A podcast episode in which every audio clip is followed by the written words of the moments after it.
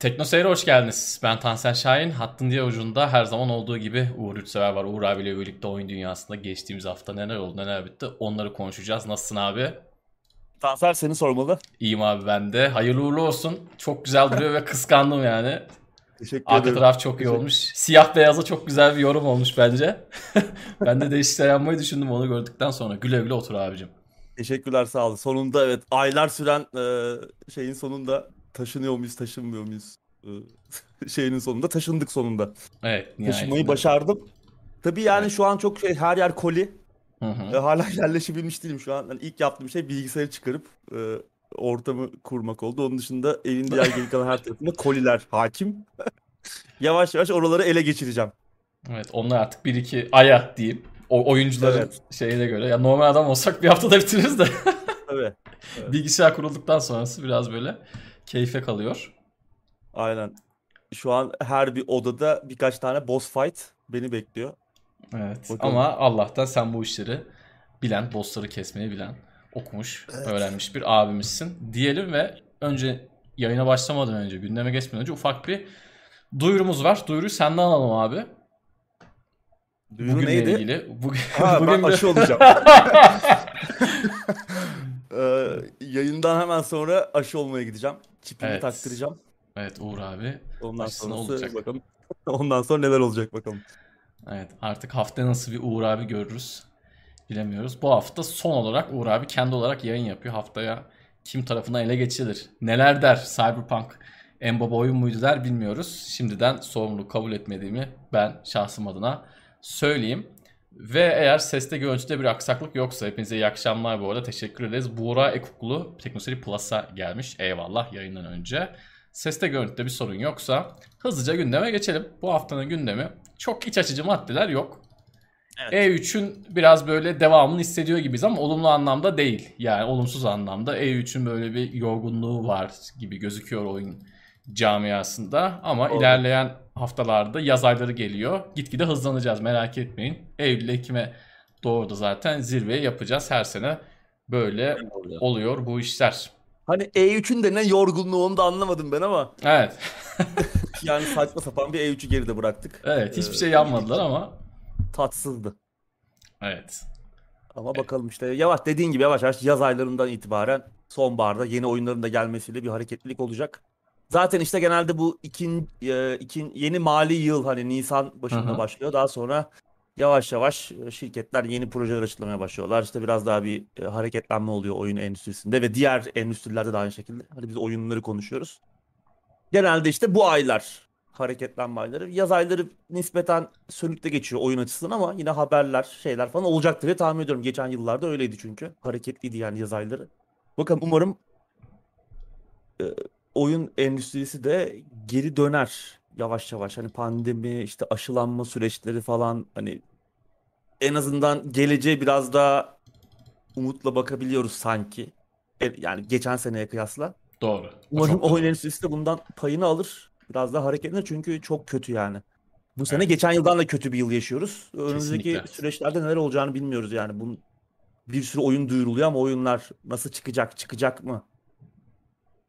O yüzden bakalım bekleyip göreceğiz. Evet ciddi bir yüzdesi de iptal oluyor bu oyunların. Ee, Yusuf'la Emirhan buradaymış. Tanıdığım, sevdiğim kardeşlerim, görüştüğüm arkadaşlarım. Onlara da selam Selamlar. gönderelim ve gündeme başlayalım abi. Şimdi ilk maddemiz Mortal Kombat'ın animasyon filmi Scorpions Revenge'e devam filmi geliyormuş abi. Evet bu en son çıkan kötü film değil. Ara sıra Evet. bizim gündemlerde e, bahsini ediyoruz. Ee, 2022'de çıkmış Scorpion'ın orijin hikayesini anlatan bir animasyon filmi var. Scorpion's Revenge. Mortal Kombat Legends Scorpion's Revenge adında. 2000 Güzel kaç dedin abi? ama. 2022 dedin 2000 şimdi. 2020 olması lazım. Hı, tabii, geçen yıl.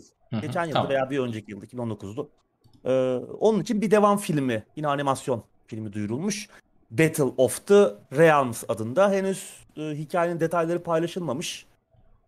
Ama hani bu kez hani Scorpion'la Sub-Zero'nun mücadelesini gör, görüyoruz o filmde. Artık bu filmde daha büyük ölçekli bir hikaye ve daha fazla karakter göreceğiz gibi. Ee, yine aynı şekilde ilk filmde olduğu gibi Mortal Kombat'ın yaratıcılarından Ed Boon da yine bu projede olacak. Yani ilk film güzeldi, keyifliydi. İzlemeyenler varsa izlesinler. Ee, bu da yani en azından o film son çıkan filmden daha iyi bir işti.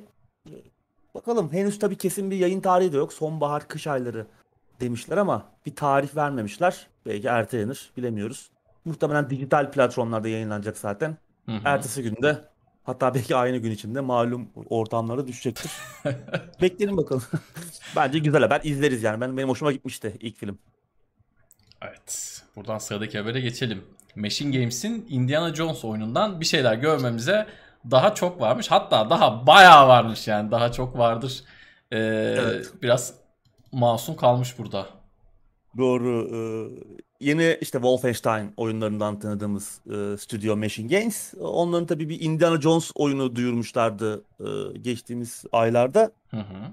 Hani yine E3'te o geçtiğimiz yine gündemin başında konuştuk geçtiğimiz hafta işte E3 son derece tatsızdı. Belki görür müyüz Microsoft Bethesda konferansında diye bekliyorduk. Hani belki bu oynanış değil de oyundan daha fazla şey duyarız. Hı hı. Belki yeni bilgiler paylaşırlar. Belki bir sinematik hani çok çünkü oynanış görmek bizi mutlu etse de Erken. çok bir beklentimiz olmuyor. Genelde yapmıyorlar çünkü onu. Hı hı. Ee, ama bir sinematik görürüz. Oyunun hala hayatta olduğunu anlarız. Ee, bir şeyler yapıyorlar. En azından bunu görürüz diye düşünüyorduk ama e, bekliyorduk ama göremedik. Hiçbir şey göremedik. Ee, zaten işte senin dediğin gibi görecek pek de bir şey yokmuş henüz. Bethesda'dan Pete Hines hani bırak oyunun piyasaya çıkmasını oyundan bir şeyler görmek için bile daha çok uzun süre beklememiz gerekiyor gerektiğini söylemiş. Açıklanmış bir hani bir şeyler görmemiz için bir oynanış veya bir sinematik içinde açıklanmış bir takvim, bir pencere falan da yok. Yani artık ne zaman gösterirlerse o zaman bakacağız. Yani Biz oyunun- unuttuğumuz zaman muhtemelen biz unutacağız böyle bu Evet. oyunun varlığını. Sonra aa evet bu vardı diyeceğiz. Abi yani işte şey vardı ya Microsoft Bethesda konferansında Outer Worlds 2 duyurusu. Hı hı. Orada aslında oyun endüstrisinin genel tavrına çok güzel bir e, şey vardı, gönderme vardı. Çok güzel bir e, dal- çok güzel dalga geçiyordu. Hem kendisi de dalga geçiyor hem oyun endüstrisinin e, geneliyle yani hazır olan tek şey e, son cümle şeydi yani evet oyunla alakalı hazır olan tek şey oyunun ismi. Yani adamlar isim yazıyorlar. İşte yine gündemin ilerleyen dakikalarında yine başka bir maddemiz daha var bununla alakalı. Bir isim yazıyorlar, gösteriyorlar. Sonra 5 yıl bekliyorsun e, oyunun çık- oyundan bir şeyler görmek için. Bırak çıkmasını. Tabi bu arada ne oluyor? Yatırımcılarla anlaşılıyor. Büyük projeler bunlar. Indiana Jones büyük bir isim mesela. Yatırımcılarla anlaşılıyor. Paralar cukkalanıyor. Ee, o ara büyük karlar ediliyor. Oyunlarda sonra en sonunda yarım yamalak piyasaya çıkıyor. Kimse memnun olmuyor bu süreçten, sürecin sonundan. Yani bilmiyorum ya işte Elder Scrolls 6'da da gördüğümüz üzere Evet. 2-3 sene önce duyuruldu.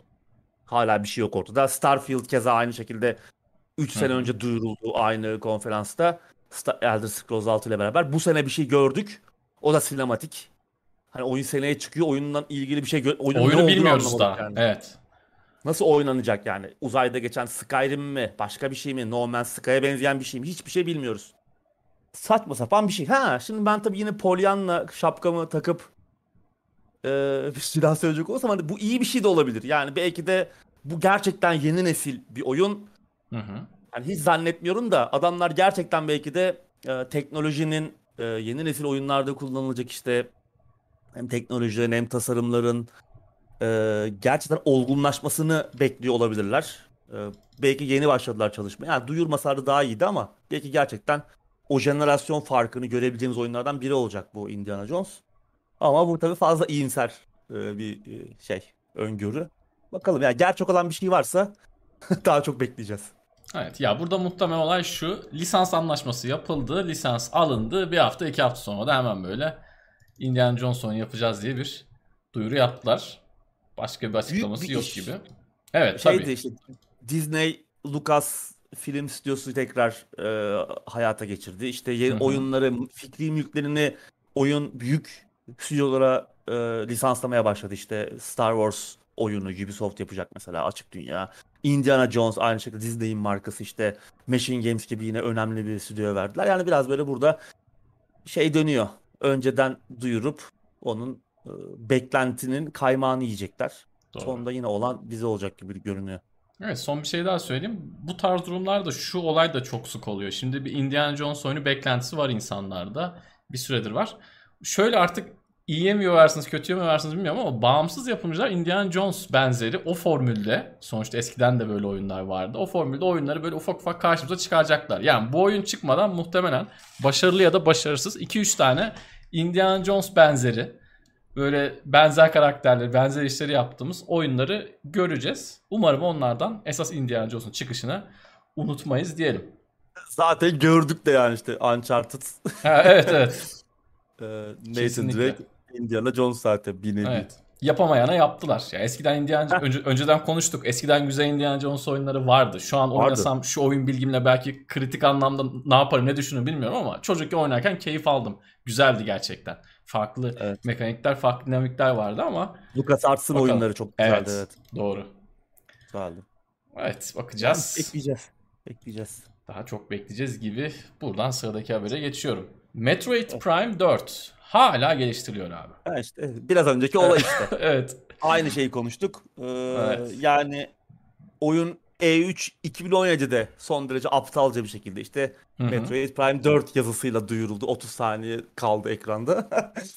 Ee, sonra 2 yıl önce yani bugünden 2 yıl önce de oyunun geliştiricisi değişti.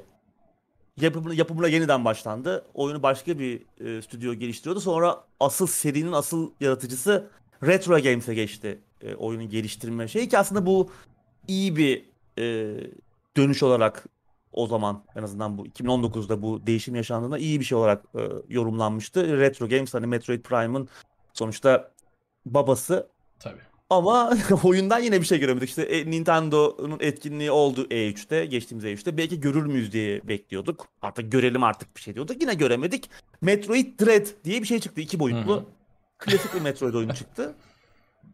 E yani tabii şimdi haliyle insanlar Metroid Prime 4'ün de akıbetiyle alakalı bir takım sorular sormaya başladılar ama Nintendo cephesinden yapılan açıklamalara bakılırsa oyunun geliştirme süreci tüm hızıyla devam ediyormuş ve e, hani bu konuda endişelenmemize gerek yokmuş. Bir ara çıkacakmış. Artık ne zaman çıkacak? Switch e, tedavülden kalkınca mı? Bu arada Switch Pro beklentileri de suya düştü en azından bu süreçte. Belki önümüzdeki e, yıl olabilir. Belki bu oyunlarla beraber e, o tekrar gündeme gelir. Mesela aynı şey Bayonetta 3 için de geçerli. Yani Metroid Hı hı. Prime 4'teki olay Bayonetta 3 için de geçerli. Aynı zamanda duyuruldular. Hiç yine hiçbir şey göremedik. Hatta şöyle bir şey var ki bu beni daha da sinirlendirdi. Hideki Kamiya oyunun yönetmeni hatta Devil May Cry'ların da biliyorsun yaratıcısı abimiz. Bayonetta 3 ne oldu diye soranlara sinirleniyormuş, atar yapıyormuş. Yani abi BSG yani. Ee, ya oyun daha ortadayken duyuruyorsunuz, isimle duyuruyorsunuz. Hı hı. Sonra oyun nerede abi diye soranlara da atar yapıyorsunuz yani. Sinirleniyorsunuz, şey yapıyorsunuz. En, Twitter'dan engelliyorsunuz, bilmem ne yapıyorsunuz. Ee, gider yapıyorsunuz. Ya çok saçma yani. Ha niye yapıldığını anlıyoruz işte. Bu yüzden yapıyorlar. İşte demin anlattığım nedenden dolayı yani. Yatırımcı çekmek, Hı hı. Para basmak orada, beklentiyi yükseltmek ama bu artık işe yaramıyor. Bu tamam yatırımcı kısmında işe yarıyor ama onun da yaramadığını nasıl gördük? İşte Cyberpunk'ta çok Evet. büyük patladı ellerinde o yatırımcıdan aldıkları paralar. Şimdi yatırımcılar fellik fellik dava açmaya çalışıyorlar Hı e, CD Projekt Red'e. Ha buralarda öyle büyük paralar dönmüyor tabii ama yine de bunlar da işte 5 sene önceden oyunu duyurup sonra böyle Rölantiye alıyorlar. Evet. Ya isim yazıp oyun geliştirmek diye bir şey yok. Biz bir şey yapacağız. Ne olduğunu artık yolda karar veririz. Kervan yolda düzdür. Ha böyle oyun mu geliştirilir yani? Ha bu bilmiyorum ya bunu bu yoldan giden çok fazla şirket var. Ee, yani ne desem bilmiyorum aptalca yani. Ya bir de Hani Metroid- yapıyorsun bari insanları kızma abi yani. İnsanları şey yapma. İnsanları atar Evet. yapma. Evet ya ad- adamın da sormasının bir sebebi var. Bir de Metroid Prime 4'te ilgili şöyle bir şey vardı. Yani bu oyun acaba gerçekten gelecek mi? Gerçekten yapılıyor mu? Soruları soruluyordu. Şimdi bir açıklama yapıyorlar. Tamam hani oyunun geliştirmesi devam ediyor. Abi devam ediyor da yani ne zaman Hangi gelecek? aşamada? Ne zaman göreceğiz? Hangi aşamada? Evet o da çok doğru bir soru. Hep söylediğim bir şey var. Yani 2020'lerdeyiz artık. Artık her şey çok hızlı. Yani oyunlar unutuluyor gidiyor. Yani bilmiyorum. En en büyük kaybeden oyuncular oluyor. Yani yatırımcılar hadi günün sonunda kazandılar diyelim. Geliştiriciler de kazandılar diyelim ama olan oyuncu oluyor. Ben V'deki oyunu oynamıştım. 3'tü galiba. O bayağı keyifli. En Şey, son oynadığım e, Metroid pardon, oyunu galiba üç, oydu. doğru. Herhalde 3'tü Evet, ama belki. 2 değildi muhtemelen de. Güzeldi. İyiydi, doğru. Epey bir vakit geçti. Yeni bir oyun olsa da oynasak iyi olur Yani, ama Ya saçmalık. enteresan. Evet. Saçmalık yani. Ya, Ya şey bu- o şeyi anlayabiliyorum. Hani iki yıl sonra oyunun geliştiricisi değişti, sıfırdan başlandı falan ama Hı hı. aradan o günden bugüne de iki yıl geçti hani. Hiç mi konuşacak bir şeyiniz yok abi? Hiç mi Evet. gösterecek bir şeyiniz yok? Bilmiyorum ya. İptal edilmediğine... Ah çok pardon telefonu kafama unutmuşum. İptal edilmediğine e, sevinmemizi mi bekliyorlar? Ne yapıyorlar onu anlamadım. Ya iptal etmedik bak tamam oyun gelecek. O iyi bari falan dememizi mi bekliyorlar acaba? Gerçekten enteresan. Neyse. Evet. Metroid Prime 4'teki gelişmeler buydu. Hala geliştiriliyormuş. Ümidi kesmediyseniz kesmeyin. Sıradaki habere geçiyoruz. Ubisoft Massive'in patronu görevi bıraktı abi. David, Ubisoft. David Polfeld. Ee, Evet. Ubisoft'un hani Ubisoft Massive kim? Ubisoft'un Division serisinin geliştiricisi. Aynı zamanda şu an yapım aşamasında olan o açık dünya Star Wars oyunu ve en son E3'te duyurulan Avatar oyunlarını da bu stüdyo geliştiriyor. O stüdyonun direktörü görevi bırakmış. Ubisoft'tan tamamen ayrılmıyor. 6 ay sonra şirket içinde başka bir stratejik pozisyona geri dönecekmiş ama e, Ubisoft Massive'in başında olmayacak. Garip bir durum. Yani neden böyle bir karar alındığıyla alakalı bir açıklama yok. Ki hani Massive'in hali hazırda Star Wars ve Avatar gibi çok çok büyük iki proje üzerine çalış çalışıyor olması da bence enteresan. Yani çok büyük projeler, çok çok büyük bir insan iş gücü olacak. Bunların çıkış pencereleri nedir? Yine duyurdular oyunları. Avatar 2017'de duyuruldu zaten o Avatar oyunu. Evet. Sonra bir daha hani yine lafını ettiler Avatar oyunu yapıyoruz diye. 2017'den bugüne kadar ya geçen haftaya kadar hiç bir daha konusu geçmemişti. yine bu şeylere örnek yani Metroid Prime'lara. Hı hı. Şimdi ne yapıyorlar, ne ediyorlar? Adamların stüdyonun direktörü ayrılıyor. Ubisoft'un içinde de bir şeyler var. İşte Beyond Good and Evil 2 ve Skull and Bones'un başına gelenleri hep konuşuyoruz. Yani Hı hı. yine göremedik. Belli Ee, bir aşamada geçen gitti bir de bu oyunlar. Sözünü kesip araya giriyorum ama ya bu oyunlar geliştirilmiş özellikle Beyond Good and Evil 2 ben Bayağı bayağı, bir aşamayı geride bı- bırakmıştı. Yani bu oyunları çöpe atmak da çok zor. Sonuçta bir para harcıyorsun, Evet. vakit harcıyorsun. Buyur abi. Acaba şey mi olacak hani böyle 10 sene sonra işte Beyond Good and Evil 2'nin o hali ortaya hani geçenlerde bir Prince of Persia oyunu çıkmıştı ya Hı hı, evet, 10 senelik. evet. Evet, içimizi dağlamıştı. Öyle içimiz kararlamıştı. Öyle bir şey mi olacak ya da bu oyunlar unutulacak, çıkmayacak, iptal edilecek. Sonra da 10 sene sonra ya sızacak bir şekilde o işte o build'lar onu indirip bakacağız ya da işte bir video falan bir, bir yerlerden gelecek. Vay be falan diyeceğiz yani. Galiba böyle olacak. Ya da çıktıkları zaman da hiçbirimizi memnun etmeyecekler. Yani hiçbir şey yok. Yani bahsini bile etmiyorlar ya. Çok acayip. Yani Skull and Bones bir konuştular yeniden başladık diye yapmaya. Onun üzerinden bile bayağı zaman geçti abi. Yani Tabii bir seneye geçti. Evet. Ee, e, Star Star Wars diyorum şey e, Beyond Good and Evil 2 gösterdiler. Oyunun yönetmeni yaratıcısı ayrıldı işte hep konuşuyoruz adam oyun endüstrisini bıraktı. Hayvan barınağında çalışmaya başladı. Oradaki işte garip yani adam ne oldu da bu kadar küstü de gitti. Oyun ondan sonra oyunla ilgili bilgiler tamamen kesildi. Hiçbir bilgi yok. O gördüğümüz şeyler ne oldu? Onu bilmiyorum. Şimdi Ubisoft Massive'de başka bir olaylar. Bir şey var hatırlarsan. Bu Ubisoft'un yaratıcı işlerinden sorumlu Chief Creative e, Direktörü e, CCO'su bir takım işte cinsel istismar, görevi kötüye kullanma, e, toksik iş ortamı gibi bir takım suçlamalar yüzünden uzaklaştırılmıştı. Ondan sonra onun ayrılmasıyla beraber birçok proje bir daha eskisi gibi olmadı. Yani Doğru. hepsi ya on, onun döneminde başlayan projenin hepsi sırda kadem bastı şu an. Skull and Bones, Beyond Good and Evil, işte Avatar'lar, e, Assassin's Creed'ler mesela orada da bir şeyler değişti. Ondan sonra Assassin's Creed'in yönetmeni de hatırlarsan ayrıldı. E, daha önceki oyunların yönetmeni Valhalla sürecinde. Hı hı. Ya bir garip bir şey var Ubisoft'ta. Nereye varacak? Bu oyunlar çıkacak mı, çıkmayacak mı? Ben iyice artık hiçbir beklentim kalmadı. Yani bu oyunlarla alakalı bir beklentim yok. Hani duyuruyorlar Avatar, Star Wars bilmem ne falan ama bir daha hani bırak bunları bir Splinter Cell falan bekliyoruz. Prince of Persia bekliyoruz. Onlarla ilgili hiç umut yok Evet. bence artık yani. O biraz artık affedersin ama bizim salaklığımız gibime geliyor bana. Yani onları hala beklemek. Çünkü adamlar yani kendi gösterdikleri, duydukları başka oyunları bile yapmıyor. Biz de içimizde kalan oyunlardan birer kuple daha istiyoruz ama yok yani. Nerede patlayacak belli değil Ubisoft ama son yıllarda çok ciddi bir tuhaf olay silsilesi var. Allah'tan Rainbow Six falan var da Ubisoft hala ayakta diyelim. O da olmasa yani bu geliştirilen işte Watch Dogs'larla bilmem nelerle bunların hayatta kalması çok zor olacak işte. Ya dedin ya ne zaman patlayacak? Belki de patladılar da haberimiz Evet, yok yani. evet, Kendilerinin evet. de haberi yok. Sonradan anlayacağız. Belki de işte kredi kartlarından birbirine para aktararak bir şekilde günü kurtarıyorlar diyelim ve buradan sıradaki habere geçelim. Baldur's Gate 3 erken erişimden bu sene çıkmayacakmış. Bu biraz da zaten artık belli gibiydi. Abi tahmin etmek zor değildi. Oyun geçen sene Ekim ayında erken erişime girmişti ve en az bir yıl süreyle erken erişimde kalmasını bekliyorduk. Yani işte en e, erken bu yılın sonlarına doğru tam sürüm olarak piyasaya çıkması bekleniyordu ama daha önce de seninle zaten konuştuk hani bu yılı bu oyunun bu ölçekte bir oyunun pandemi süreciyle beraber hani 2021 içerisinde çıkması çok mümkün değil. Bu muhtemelen önümüzdeki yıllara kalacak. Hatta 2022 içerisinde de çıkabilir mi? Ee, o konuda da benim şüphelerim var ufak da olsa.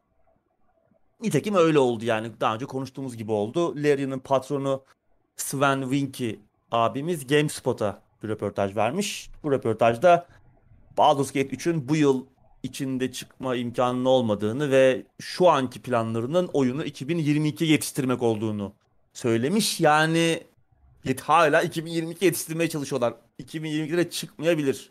Ha şimdi şunu düşünebilir. Tamam bu aslında beklenen bir, bir durumdu. Çünkü Baldur's Gate 3 ölçek olarak e, büyük gerçekten çok büyük bir oyun. Şu an erken erişim aşamasındaki içerik de çok büyük. Hı hı. Hatta Division, e, Division diyorum, e, Dest, e, ne Destiny'si lan. Bütün bu dan- dandik İyice kafanı karıştırayım mı? Death Stranding falan diyeyim be. kafanı karıştırayım iyice. İyice karıştı. E, Divinity. e, Divinity. Ben neyse bu üç isim hep birbirine karışıyor zaman zaman. En sonunda Divinity aklıma geliyor yani. En sevdiğim olmasına rağmen. Divinity Original Sin 2 de çok büyük bir oyundu. Yani 100 150 saatlik içerik vardı oyunda ve erken erişim hali Baldur's Gate 3'ten çok daha küçüktü. Ve Doğru. yaklaşık tam olarak hatta yaklaşık değil tam bir yıl galiba erken erişimde kaldı Original Sin 2. Baldur's Gate 3 çok daha büyük bir oyun olacak. Yani hem erken erişim versiyonu çok daha büyük hem de oyunun tamamlanmış hali çok daha büyük olacak. O yüzden hem de pandemi sürecinde bu çalışmaların bir yılda bitmeyeceği belliydi zaten yani az bak- bakınca durumlara anlaşılıyordu. O yüzden hani çok eleştirilecek bir şey yok burada. Pandeminin de etkilediğini şöyle anlıyoruz. Şimdi çok çok büyük bir stüdyo değil Larian yani bir EA, bir Activision falan değil. Şöyle bir hataları, hata demeyelim buna, şöyle bir tasarım tercihleri oldu. Hata değil aslında güzel bir şey yapmaya çalıştılar ama pandemiye denk gelmesi kötü oldu. Motion capture yani hareket yakalama teknolojisi kullanıyorlar. Hı hı. Şimdi hareket yakalama teknolojisini kullanman için senin e, bir araya gelip çalışman gerekiyor. E, pandemide bunu yapamadılar. Uzunca bir süre yapamadılar. O yüzden bütün bu işler kaldı. Bunun yanında seslendirme performansları aynı şekilde uzaktan yapmak istemediler. Çünkü işte herkes kendi evinden veya kendi ortamından, kendi stüdyosundan kaydetse seslerde farklılık olabilir, tutarsızlık olabilir, bütünlüğünü kaybedebilir belki iş. O yüzden onu da bir stüdyoda yapmak e, yoluna gittiler. Bütün bu özellikle bu iki olay hem motion capture hem de seslendirme per- olayları çok oyunun geliştirme sürecini çok uzattı. Ki bunun dışında hani bir de bu tarz kompleks sistemlere sahip, çok derinlikli oynanışlara sahip oyunların işi biraz daha zor diğer Kesinlikle. oyunlara kıyasla. Geliştirme süreci anlamında. E, o da tabii pandemi süreci, insanların beraber çalışamıyor olması bunu da biraz geciktiriyor olabilir. O yüzden yani bu oyun 2022'de de çıkmazsa e, ben çok şaşırmam, çok da eleştirmem çünkü yani önceden yaptıkları işler Larry'nin erken erişim süreçlerini yönetmesi, ortaya koydukları oyunlar yani muhteşemdi. Çok iyiydi yani. Hep en iyi örnekleri erken erişimin belki.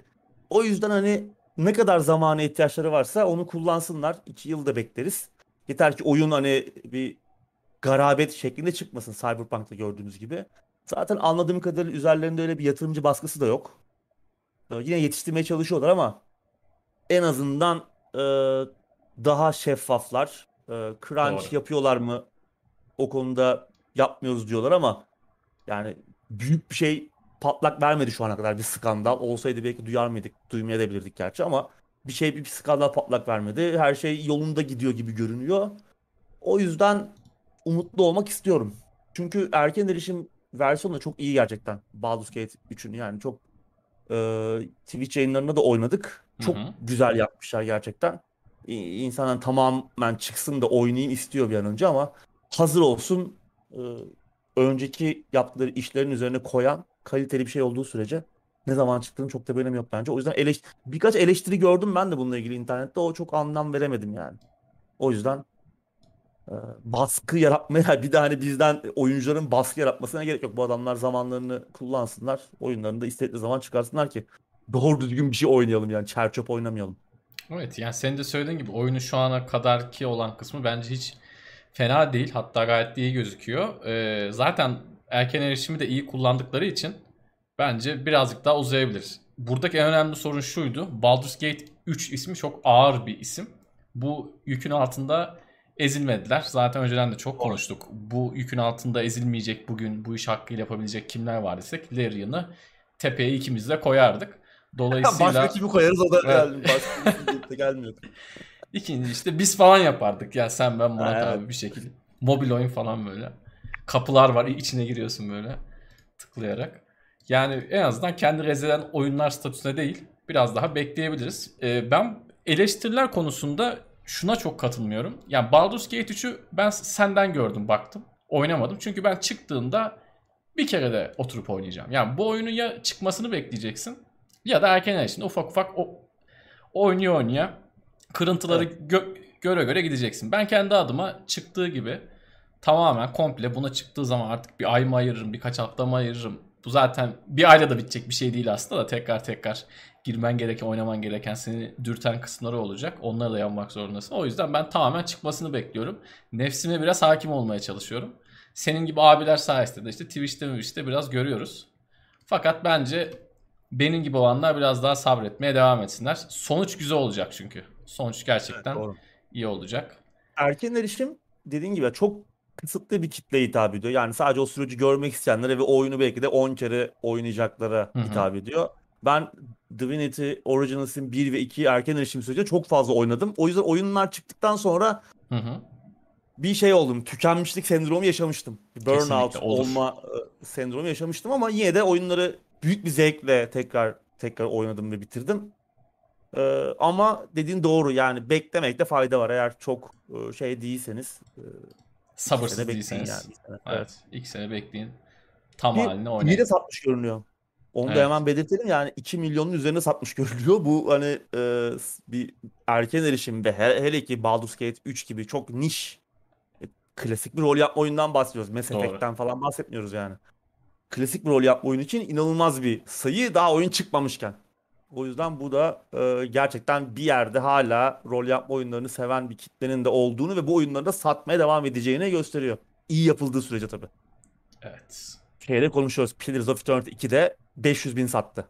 Yani. Evet. Biraz chat'e bakalım.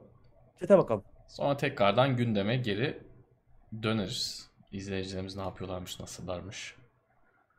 Hayat nasıl gidiyormuş. Aşılanma durumları nasıl? Artık herhalde neredeyse herkese çıkıyor gibi bir şey. Daha bana çıkmadı gerçi de. Benim arkadaşlarım da çoğuna çıktı. Anne babam oldu çok şükür. Benim için en büyük problem oydu. Onlar oldular. Sen hangisini olacaksın abi seçtin mi? Ben BioNTech. Sen Biontech mi olacaksın abi? Onun Evet. RAM'i yüksek Biontech. evet onun da şeyi daha iyidir ya donanım olarak. Evet. Şeyler gelmiş bu arada. Çekirdekliymiş. Smile diyeceğim de neydi bunların adı da? Smile değil de. Ha, evet evet şey Aa. emoji mi? Ha, emoji emoji Emoji. evet. Senin kelle var abi birkaç yerde. Evet. Ne yazınca çıkıyor acaba onlar? Onları bir çözmemiz lazım. Ben de Aa ben buldum tamam özel emojiye tıklayınca. Tüm Vallahi- e- ekibe atıyorum. Levent abi, Murat abi, Hamdi abi. Ninja var. Volkan galiba bu da tam göremedim ama. Evet, bunlar varmış. Güzel. Bunları sadece şeyler mi kullanabiliyor? Teknoseyir Plus'lar mı kullanabiliyor? Muhtemelen öyledir diye tahmin ediyorum. Bilmiyorum ki ya. O şey, o Murat galiba onları yeni ayarlamaya başladı. Buna sayısı artar. Tamam.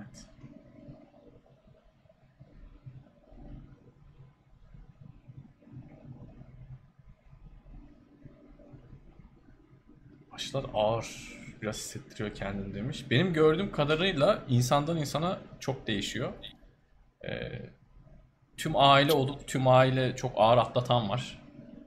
Evet. Hiç aşının varlığını hissetmeyenler var. Sadece o koldaki normal ağrı dışında. Çok enteresan kişiden kişiye göre çok değişiyor. Aşırı değişken bir şey. Bakalım bizde nasıl olacak. Haftaya Uğur abi deneyimlerini oyun gündeminde paylaşır artık. Evet. Emir sormuş oldum mu diye. Yok yayından sonra olacağım. Evet yayından sonra ayağın tozuyla. Bekliyorlar. Tabii. Bugün aradılar Hasan'dan geliyor musunuz diye. Oo. A tabii şey çok değil mi? erken gelin. Evet. Ya şey de çokmuş. Sabote eden de çokmuş. Adam aşı karşıtı. Herif e, randevuyu alıyor gitmiyor. Adam öyle zarar verdi falan sanıyor. Burada gülerek anlatıyoruz da. Yani hakikaten işler acısı bir durum. Da şakası olan bir iş değil tabii. İyi. Ama gerçekten şeyde gibiyiz yani böyle bir bilim kurgu filmin içinde gibiyiz. Yani bundan 3-5 sene önce deseler ki hastalık çıkacak tamam okey. Aşı olacak insanlar sosyal medyada aşı oldum diye artık bunu paylaşacaklar dese ben hani tamam ha- hastalığa aşıya falan tamam da yani herhalde sosyal medyada aşı olduğumuzda paylaşılmaz falan diye düşünürüm. Tamam yediğimiz yemeği işte içtiğimiz bilmem neleri paylaşıyoruz da artık o da gerçek oldu. İnsanlar aşı olurken bile resim çekip paylaşılıyor. Tam böyle olduğu anı. Enteresan bir dönem. Evet. Hande abiye şey lazım. Eline böyle fan lazım. Mehmet Ali Erbil gibi böyle şeyi uzatıp parmağını uzatıp ucuna böyle bir fan koymak lazım.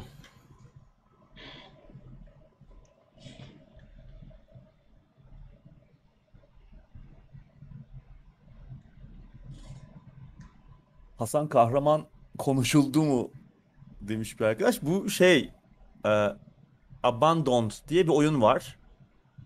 E, bu PT Silent, Kojima'nın Silent Hills'inin şey vardı ya oynanabilir teaser'ı, playable Evet. teaser. E, ona benzer bir oyun bu. Yani Silent Hills olduğu söyleniyor. Bir şeyler paylaşıldı falan gerçekten benziyor. Ve hani Hasan Kahraman diye birinin aslında olmadığı ve hani bu Hideo Kojima'nın e, gizli projesi olduğuyla alakalı bir takım söylentiler var ama ben son gelişmeleri takip etmedim. Bana yani çok şey gibi geliyor. Böyle şeyler fazla e, düz dünya şeyleri gibi geliyor. Teorileri gibi geliyor. Yani eğer doğru çıkarsa da tabii şaşırırım ama yani çok öyle bir şey olacağını zannetmiyorum. Ya bir bağımsız oyun. Ee, Ki çok fazla benziyor. Yani muhtemelen Playable Teaser'a benzeyen bir şey yapmışlar. Ha, Hasan Kahraman diye bir adam da galiba yok mu? Çok fazla bilgiye de ulaşılamıyor mu kendisiyle alakalı? Hani Allah birkaç Allah. yatırımı falan var ama hani kim olduğu çok bilinmiyor. O yüzden de hani bu bir takım soru işaretleri doğurmuş. Acaba hani bu tamamen bir paravan proje mi? Aslında bir şey geliyor ama bunu saklamak için bir e, oyun mu yapıyorlar? Ee, göreceğiz yakında. Evet. Şeyi Komple çıkar- teorisi bitmez. Ama Kojima dikkatli olsun. Bu topraklara bulaşırken dikkatli olsun. Yapacağı oyuna, seçeceği karakterlere, repliklere falan dikkat etsin. Adamı oyarlar yani. Ha bu arada evet Hasan Kahraman bu arada ben buradayım varım diye video çekip yayınlamış. Varmış Ee, yani. onu ben takip etmedim.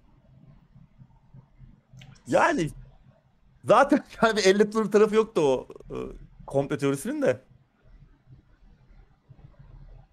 Adam yapmışlar işte bir bağımsız bir oyun yani çok da iyi mi çıkar, başarılı mı olur yani sonuçta PT'ye benzeyen bir şey. Yani PT'yi yapmamış herif. Sıfırdan PT yapılmamış. Onu yapan Hideo Kojima'ydı çünkü. Yani ona benzeyen bir şey yapmak ondan sonra çok da büyük bir olay değil. Bakalım oyun çıkınca da bakarız.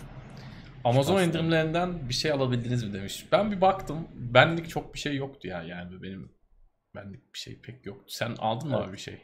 Ben de almadım. Umut'u Twitter'dan takip edin. Umut bir şeyler almış. Cif mif onları koymuş. Fiyatları uygun olanları. Onlara bakabilirsiniz diyelim ve gündeme yavaştan geri dönelim. Evet.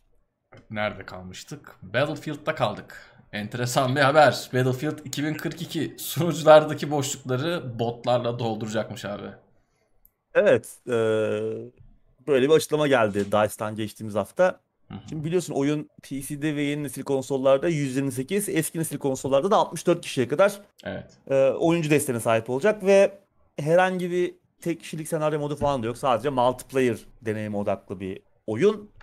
Ve hani DICE'a göre oyunu istediğimiz anda, istediğimiz şekilde, istediğimiz zaman, istediğimiz gibi oynayabilmemiz e, gerekiyor. Bunun için de hani buna yönelik olarak da e, sunucularda bazen biliyorsun hani oyuncular çıkıyor, giriyor. Bazen uzunca bir süre takımlar dengesiz kalabiliyor. Bu anlarda e, takımları botlarla dolduracak. Yapay zeka kontrolü botlarla dolduracak. Hatta bu botları istersek e, tek başımıza olup karşımızda tamamen bot koyabileceğiz. Veya arkadaşlarımızla birlikte olup co-op gibi e, karşımıza botları alıp oynayabilecekmişiz. E, tamam bunlar e, oyuncak. E, asıl önemli olan kısım bu acaba kapatılabilen bir şey mi? Yani ben açıkçası e, o dengesizliği kabul eden oyunculardanım. Bugüne Ben kadar Kesinlikle. Bad Company yani 2'den beri çok fazla. Daha önce de oynamıştım ama hani Bad Company 2 ile birlikte çok hızlı internette evlerimize girmeye başladı ya o dönemlerde. Doğru, doğru. O dönem çok ondan sonra çok çok daha fazla oynamaya başladım. Ondan önce hani işte arkadaşlarla falan oynuyorduk Battlefield'leri, 1942'leri falan.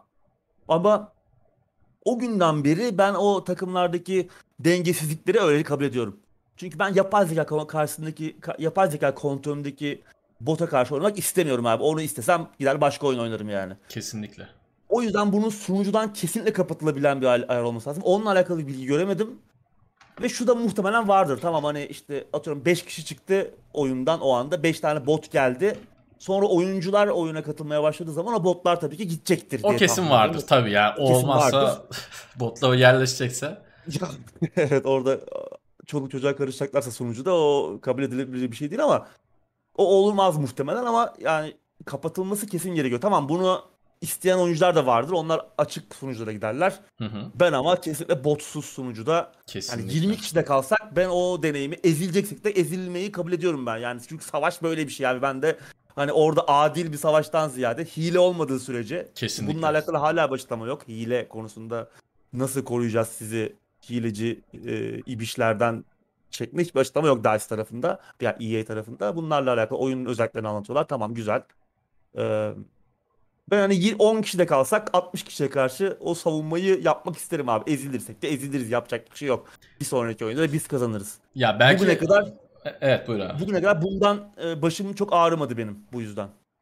Ya belki işte siz 40 kişi kaldığınız zaman oradan kenetlenip çevireceksiniz. Bir de şu çok önemli. Şimdi takımda bot olması bottan beter düzeydeki rakipler olduğunda botlu takıma da avantaj mı sağlayacak? Şimdi bottan kötü oynayan adam var. Yani Var. var gerçekten var. Çünkü botun görüşü insan gibi değil. Bot seni görüyor yani. Onun artık nasıl yazacaklar edecekler bilmiyorum da belli bir mesafe yaklaştığın zaman atıyorum 25 metre yaklaştığın zaman bot seni görüyor. Bir saniye durdu, iki saniye durdu. Üçte hop indirecek. Şimdi senin geldiğin yerden belki normal insan seni göremeyecek. Şimdi tamam bot dediğimiz zaman aklımıza CS'deki pod botlar geliyor da onların da yani CS 1.3, 1.5, 1.1'deki botların da skillini arttırdığın zaman işte sana belli bir saniye veriyor. Bu birçok oyunda aslında böyle eskilerde. Yani sana 2 saniye veriyor. 2 saniye içinde vurdun vurdun. Vuramadın get right gelsin çeviremiyor. Çünkü bot öyle kodlanmış. Yani işte sana bir buçuk saniye veriyor sonra küt indiriyor direkt. One shot e, headshot yapıp işi bitiriyor. Şimdi Battlefield gibi bir oyundan bahsediyoruz. Yani farklı yükseklikler var. Çalı var, bilmem ne var, toprak var. Birçok arazi öğesi var. Yani bilmiyorum bot işi çok zor dengelenecek bir şey gibi geliyor bana. Ki zaten bot botu dengelemek her zaman çok zor da. Battlefield'da bu ekstradan zor olacak gibi. Ben bunun iyi bir fikir olduğunu düşünmüyorum. Hatta şunu da söyleyeyim yani bunun oyunun çıkmadan dillendirilmesine de biraz üzüldüm. Ve biraz şüphelendim açıkçası. Yani oyunu güzel yapın. Serverlar dolu kalsın abi. Tamam. Next gen konsollar çok az kişide var. Kabul ediyorum. Okey. 100 küsür kişilik server doldurmak kolay olmayacak ama yani sen eski Bad Company 2'nin ortamını kur. Battlefield 3'ün ortamını kur. Biz konsol monsol alır geliriz. Sıkıntı yok yani. Burada esas konuşulması gereken nokta bence bu. Oyun çıkmadan ya işte serverlar az kalsa siz dert etmeyin. Biz bot koyacağız demek bence bir şeyleri baştan kabul etmek gibi geldi bana. Ki çok doğru söylüyorsun ve söylediğin şey çok doğru. Ee, şey e, işte dengelemek çok zor. Bu Çok kadar zor. büyük haritalarda bu kadar farklı e, ha- haritalarda farklı stratejik öğelerin de olduğu bir oyunda botları dengelemek zaten zor. Yapay zeka kodlamak zaten başlı başına Tabii. çok zor bir iş. Yani bugüne kadar hangi oyunda gerçekten iyi derken hani attığını vurandan bahsetmiyorum. Gerçekten Tabii. hangi oyunda doğru düzgün çalışan bir yapay zeka gördük. Yani doğru, çok, Çok, doğru. elin parmaklarını geçmez. Buna harcayacağınız mesaiyi oyunu güzelleştirecek başka Kesinlikle. şeylerle harcasaydınız yani. Ha bunun için Kesinlikle. bir ekip ayıracağına başka bir şey yap abi. 3 tane daha fazla harita tasarla. Doğru. 5 tane daha fazla silah koy. Daha fazla içerik yap. Oyunu daha da zenginleştir. Yeni oyun modları yap. Yani bu ne abi yani? Bugüne kadar yoktu böyle bir şey. Şimdi böyle bir şey çıkartıyorsun. Niye? Çünkü eee dediğin gibi belki de bir şeyden korkuyorlar. Yani o oyuncuların belki bunu istemeyeceğini düşünüyorlar. e, Dengesiz takımlar. Tamam dengesiz takımlar tat kaçırabilir bazı oyuncular için ama botların da kaçırmayacağı anlamına gelmiyor. Ben yani yapay Kesinlikle. zekayla oynamak istesem giderim başka oyun oynarım abi. Aynen öyle. Çok saçma yani. Ya bir de şöyle şimdi konuyu çok uzatmadan şunu da söyleyeyim. Şimdi Ba- Battlefield farklı bir oyun. Ortada bir objektif var. O objektife bağlı kalmak zorundasın ve zaman zaman hepimizin o objektiften uzaklaşıp ya bir sniper alayım da şurada hadi oyunun seyrini değiştireyim dediğimiz, değiştirdiğimiz ve değiştiremediğimiz anlar oldu. Şimdi bot dediğin şey sadece objektif odaklı çalışacak. Hiçbir şekilde insanı nasıl simüle edecek onu da bilmiyorum. Yani attığını mı vuracak, objektif peşinden mi koşacak? İki türlü de normal bir oyuncu gibi olmayacak. Ve şunu da tekrar söylüyorum. En başta da söyledim. Sonra sözü direkt sana vereceğim. Bottan kötü oynayan adam var. Yani bottan daha kötü adam var. O o adam çıkıp bot girdiği zaman Ne olacak? da dengeli olmuyor yani. O zaman da zar tekrardan bir bizim aleyhimize atılmış oluyor. Da Ki şey var. e, şunu da açıkladılar e, geçen hafta. Oyuncuları sunuculara hani yetenek seviyelerine göre atayacak. Hani ilk oyuna başladın seni böyle veteranların arasına göndermeyecek oyun. Senin yeteneğine göre. Ya bu yıllardır zaten olan bir şey ve hiç de doğru çalıştığını görmedik Evet, birçok oyunda. Evet. Ee, tamam burada iyi çalıştığını varsayalım. Şimdi muhtemelen botların da farklı yetenek seviyeleri olacak. Yani adamların Hı hı. harcayacağı mesaiye bak. Evet, bir sürü aynen. farklı seviyede bot olacak. Bunların nasıl çalışacağını zaten Allah bilir. Ee, yani çok kötü ki şu an chat'e bakıyorum her- herkes aynı şeyi düşünüyor bizle gördüğüm kadarıyla. Ki bir izleyicimiz özel şey demiş. E, Umarım e, kiralama sunucu kiralama olur 3 ve 4'teki gibi. Sonra kaldırdılar biliyorsun sunucu kiralama olayını. E, sadece kendileri hatta bir ara sadece kendilerinden kiralayabiliyordun EA'den sonra Evet. tamamen kapattılar bildiğim kadarıyla. Eskiden şeyler vardı. Sunucu kiralayabileceğin başka üçüncü parti Doğru. büyük e, şeyler sunucu şirketleri var işte multiplayer'ı bilmem nesi falan bir sürü ciddi şeyler vardı Avrupa'da. E, onların onların geri dönmesini istiyorum ben mesela yani. Sonuçta bazı topluluklar adam bir sunucu açıyor. İşte bir oyuncu toplulukları kendi sunucularını açıyorlar ve E tabii. Orada çok daha güzel bir ortam oluyor. Random, rastgele insanların girip oynadığı bir şeyden ziyade gerçekten daha böyle savaşı da hissedebileceğim bir içinde bir bazen role play'in de olduğu yani Battlefield 3'te 4'te Bad Company 2'de bunları çok gördük. Ee, burada o da olmayacak muhtemelen. iyice böyle yani konsolize olmuş. Ee, ben çok bana tat vermeyecek bir Battlefield geliyor gibi geliyor bana. Umarım bu ayar kapatılabiliyordur. Benim yapacağım ilk şey o olur yani. Grafik ayarlarından önce ilk ayar beni abi botsuz sunucuya at olur yani. Son bir şey daha söyleyeyim. Ee, YouTube bu botların olduğu komik videolarla dolacak. Bunlarla ilgili bir sürü de Tabii. video göreceğiz. Yani bunların bug'larıdır, attığını vurmasıdır, 500 mermi harcayıp adam vuramamasıdır. Bunların hepsini göreceğiz.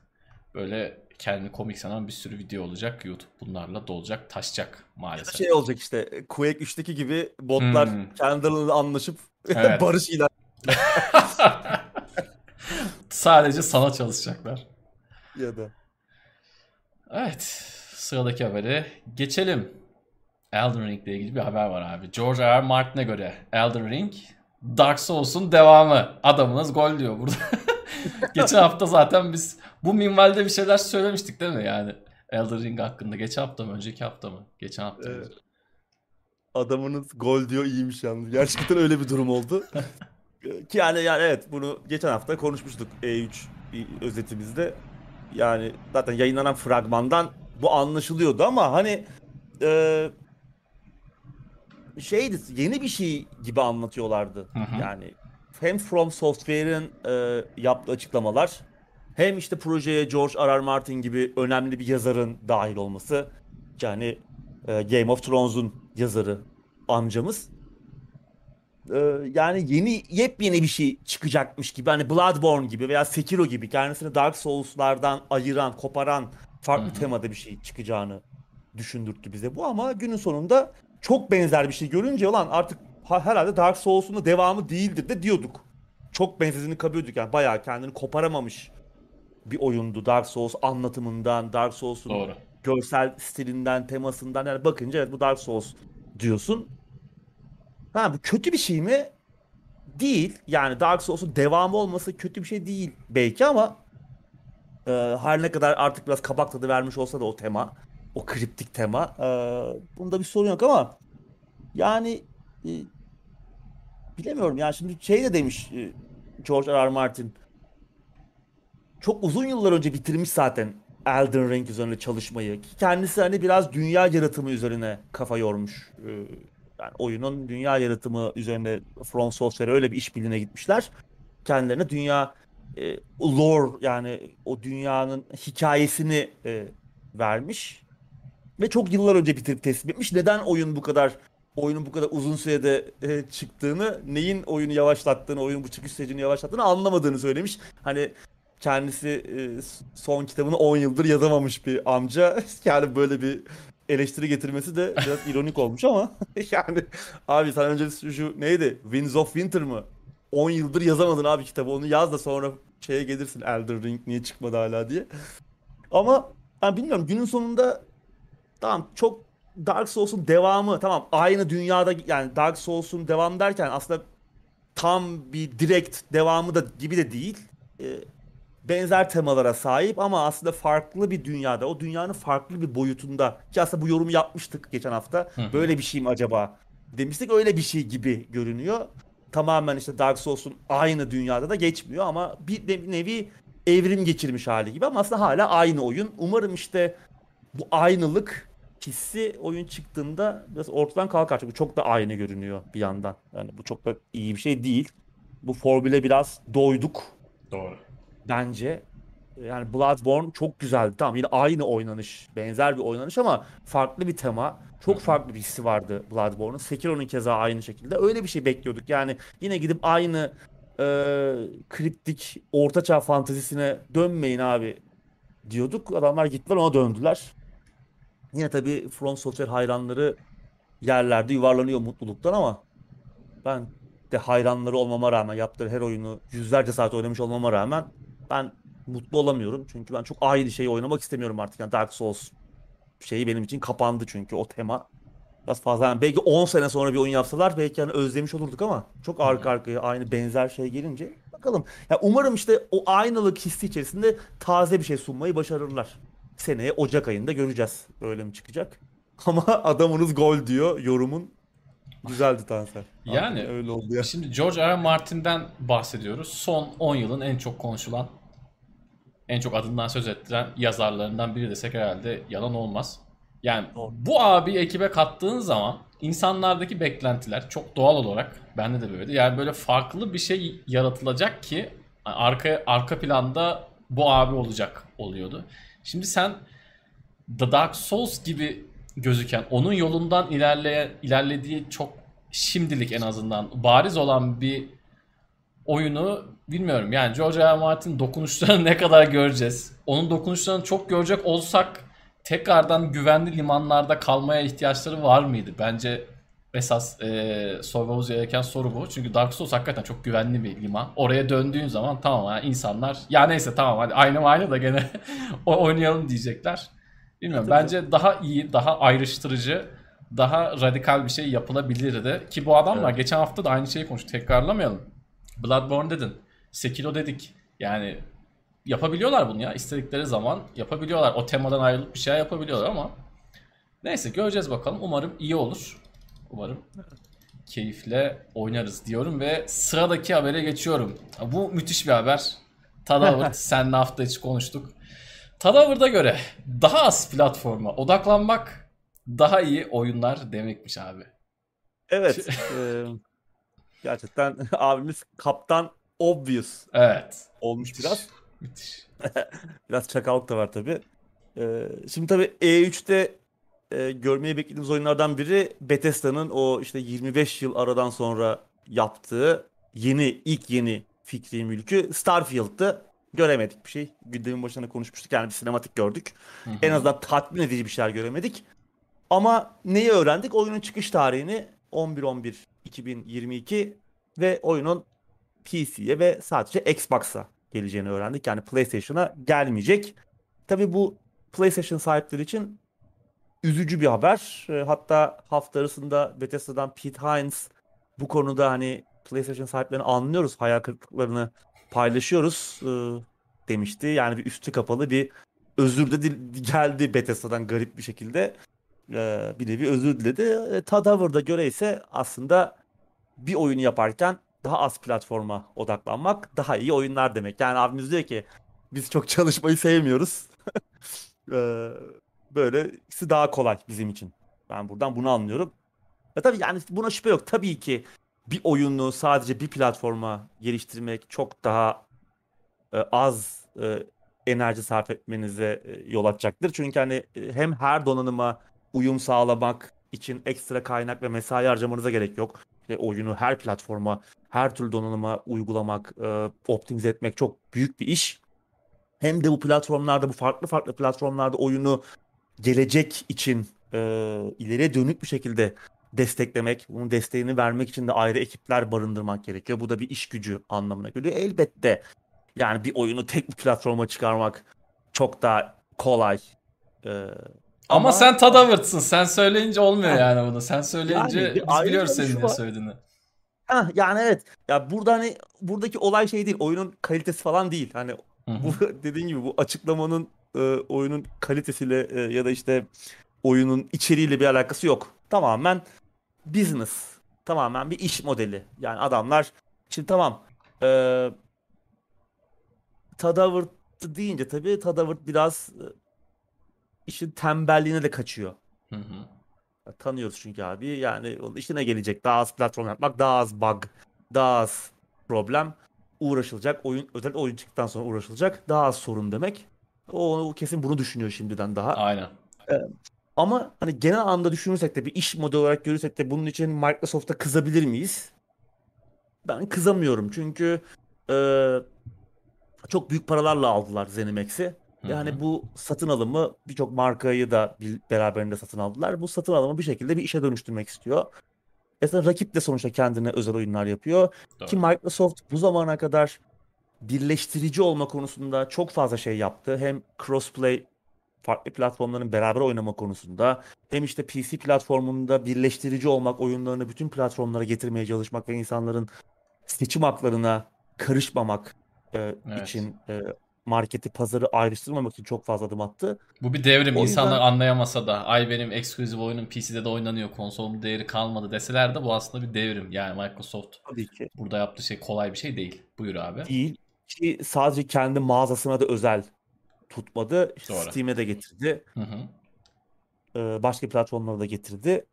E, yani bu satın alımdan sonra bazı markaları kendilerine saklamalarının çok da yanlış bir yanı yok. Ki bence içime öyle doğuyor. Yapılan açıklamalar da sanki bir noktada e, bu oyunların bir sene sonra veya iki sene sonra PlayStation'a da gelebileceğini işaret ediyor. Ben de öyle Ya düşünüyorum. da başka şekillerde belki şey bulut Microsoft buluttan oyun oynatma konusunda da eee bayağı Hı hı. yatırımlar yapmaya başladı. Yine önümüzdeki haberlerden birinde onu da konuşacağız. O yüzden bir şekilde yani herkesi dahil edecek bir formülleri var. Tabii ki kendi hizmetleri kapsamında. Ama herkese bir şekilde oyunlarını açmayı düşünüyorlar. Öyle çok kapalı bir platform en azından oyunlar konusunda kapalı bir ekosistem yaratma gibi bir arayışları yok PlayStation tarafı gibi. Yani PlayStation crossplay'e bile bir, bin tane kulp taktı işte geçen haftalarda konuştuk. Hatta Jim Ryan hala diyor ki daha fazla crossplay oyunu gelecek. Abi adamları haraca bağlamışsınız. Gelse ne olur yani. Yani Bunu kaldırın da önce yani hakikaten garip garip olaylar. Bakalım ya keşke olmasa tabii. Keşke bütün oyunlar her platforma gelse. Starfield da PlayStation'a çıksa. Ama öyle bir şey olmayacak. En azından çıkış anında. Şimdilik. Bence Bence bunun için Microsoft'a kızmaya da gerek yok. Ama ha Tadavır'da şöyle kızabiliriz. Yani Tadavır çakal. Sen konuşma. Tadavır- Aynen. Aynen. Sen Evet. Burada şunu da söyleyelim. Ee, Microsoft iyi, Sony kötü anlamında değil de aynı satın alımı Microsoft e, Sony cephesi yapsa çok daha kötüsünü görecektik bu arada. Hani hiç umudumuz olmayacaktı neredeyse. Evet. Yani hani hiç sene sonra gelirdi yani. Evet, doğru. Şimdi Starfield en azından PC'ye aynı anda gelecek. Game Pass'e gelecek. Doğru. Bütün oyunlar gelecek yani. Microsoft'un birinci parti bütün oyunları anında PC'de ve Steam'de de olacak. Ee, istersen Game Pass'te de oynayabileceksin. Yani ulaşabileceğin, erişebileceğin çok daha fazla şey var, platform var Microsoft tarafında. Bence çok da kötü değil yani PlayStation'a gelmemesi. PlayStation, PlayStation sahiplerinin üzüyor olabilir. Yapacak bir şey yok. Ee, ama işte Tadavırt'dan gelince bu açıklama insan ister istemez ya abicim yürü git diyor. Çünkü yani Tadavırt'tan en kaba tabirle büyük bir yalancı. Yani bunu gördük yıllardır. Görüyoruz her E3 konuşmasında, her ondan sonra verdiği röportajda. İyi bir pazarlamacı. Ağzı çok güzel laf yapıyor. Güzel yalanlar söylüyor. Sonra hiçbiri e, söylediği şeylerin, vaatlerinin hiç %95'i tutmuyor. Evet. İşte şeyden hatırla. Canvas çanta muhabbetinden. Hmm. Canvas çanta yerine Bin bin poşeti. poşeti yolladılar millete. Sonra da bunu e, kendilerini affettirmek için Fallout 76'da 500 oyun içi 500 lira mı? E 500 atom mu ne oyun içi para yolladı. 500 altın mı oradaki işte oyun içi bir e, para birimi hediye ettiler falan. Küfreder gibi yani saçma sapan. Sonra onun için özür dilediler falan böyle saçma yani Ya bakkala giden Adamı- çocuğa para üstü ciklet vermek gibi. Hakikaten öyle. Ya, Tadavırt deyince benim tüylerim uzun yıllardır diken diken oluyor. Hatta Oblivion'lardan beri diken diken oluyor da o zamanlar tabii internet bu kadar sosyal medya yok zaten. İnternet bu kadar yaygın çok şey kullanılmıyor. Çok daha az tanıyorduk. Uzaktan uzak gıcık oluyorduk da adamı daha da tanıyınca, göz önünde olmaya başlayınca iyice ben sıtkım sıyrıldı. Yani oyun endüstrisinde sevmediğim adamlar da ilk 5'e girer. Hani Randy Pitchford mesela hemen aklıma gelen Ee, şey Tim Sweeney Epic'in patronu Tadavert mesela işte Bobby Kotick Activision falan. Bu adamlar isimlerini duyunca böyle titriyorum ya. Kriz geçiriyorum ya.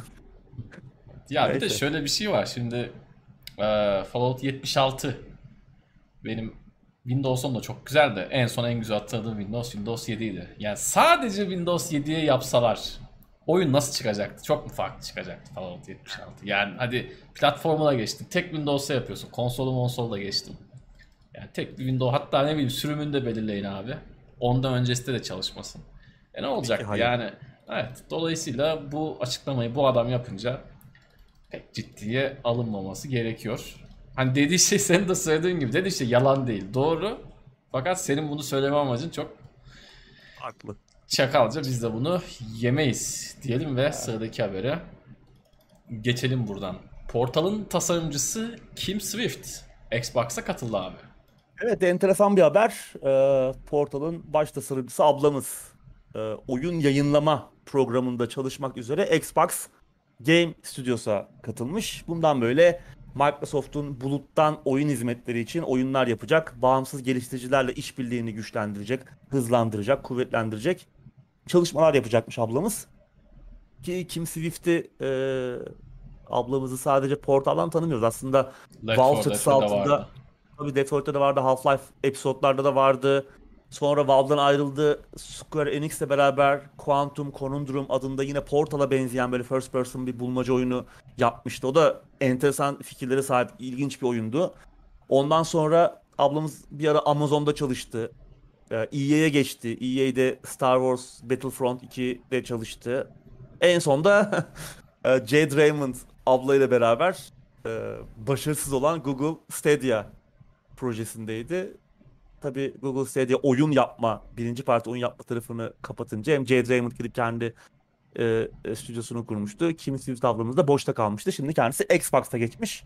Güzel bir haber ama Xbox için büyük bir kazanç olduğu kesin ama yani umarım sadece işin iş kısmında kalmaz. Oyun yapmanın iş, pazarlama ve bu ilişkileri güçlendirme kısmında kalmaz. Aslında kendisi çünkü aynı zamanda çok yetenekli ve yaratıcı bir oyun tasarımcısı. Bunu gösterdi yıllar içerisinde. Hani Quantum Conundrum da ilginç bir oyundu. Portal'daki fikirler de keza öyle. Ee, aa, yani umarım oyun geliştirme tarafında da aktif kalır. Bu Xbox için daha da büyük bir kazanıma dönüşebilir çünkü. Evet. Yerinde bir transfer ama senin de söylediğin gibi yani şey gibi şimdi Sergen milli takım başına gelsin deniyor. Bu haklı bir istek. Sergen futbolcu artık bıraktı. Artık futbolculuk yapamıyor ama bu abla böyle değil. Yani o abla tamam işin yönetim iş geliştirme kısmı olabilir ama oyunlara daha katacak çok şey olduğunu düşünüyorum. Her ne kadar son yıllarda pek adını duyamamış olsak da şanssızlıkla ötürü orada da Doğru. tabii Stadia'da kim gittiyse aynı süreci yaşadı. Stadia'da Maalesef. biraz herhalde böyle memur gibi takıldılar. Ondan Öyle. Şey de sonra- aynı şekilde. EA de aynı şekilde. EA'ye Evet, giden evet. de yani şey yapamıyor ne yazık ki. Evet. Enteresan ama Xbox gene bence ince görmüş diyeyim. Öyle öyle. Büyük katılım yani. Evet. Gündemin son haberine geçiyoruz. Sonra biraz sohbet ederiz. Psychonauts 2'nin geliştirme sürecinde hiç crunch yapılmamış. Bu da bence haftanın en enteresan haberlerinden bir tanesi. Yani şimdi bir şey diyeceğim ama oyun hakaret gibi olmasın. Ya abi bari Psychonauts 2'de yapmayın. Yani bu oyun zaten kaç kez ertelendi.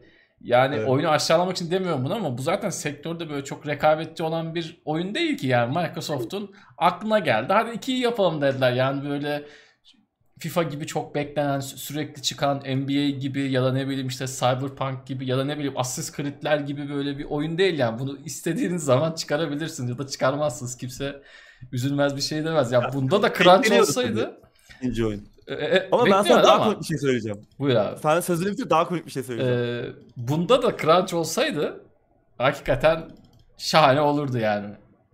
Buyur abi. Daha komiği Eee, Psychonauts en azından benim hatırladığım ilk oyun 2005. Yani aslında e, 16 yıldır falan aslında bir devam oyunu bekliyoruz. Tam olarak 16 yıl değil aslında. Oyun 2015'te duyuruldu ikinci oyun. Devam Hı hı. oyunu. 6 yıldır bekliyoruz. Dediğin gibi çok uzun bir geliştirme süreci. Defalarca ertelendi. Komik olan şey şu.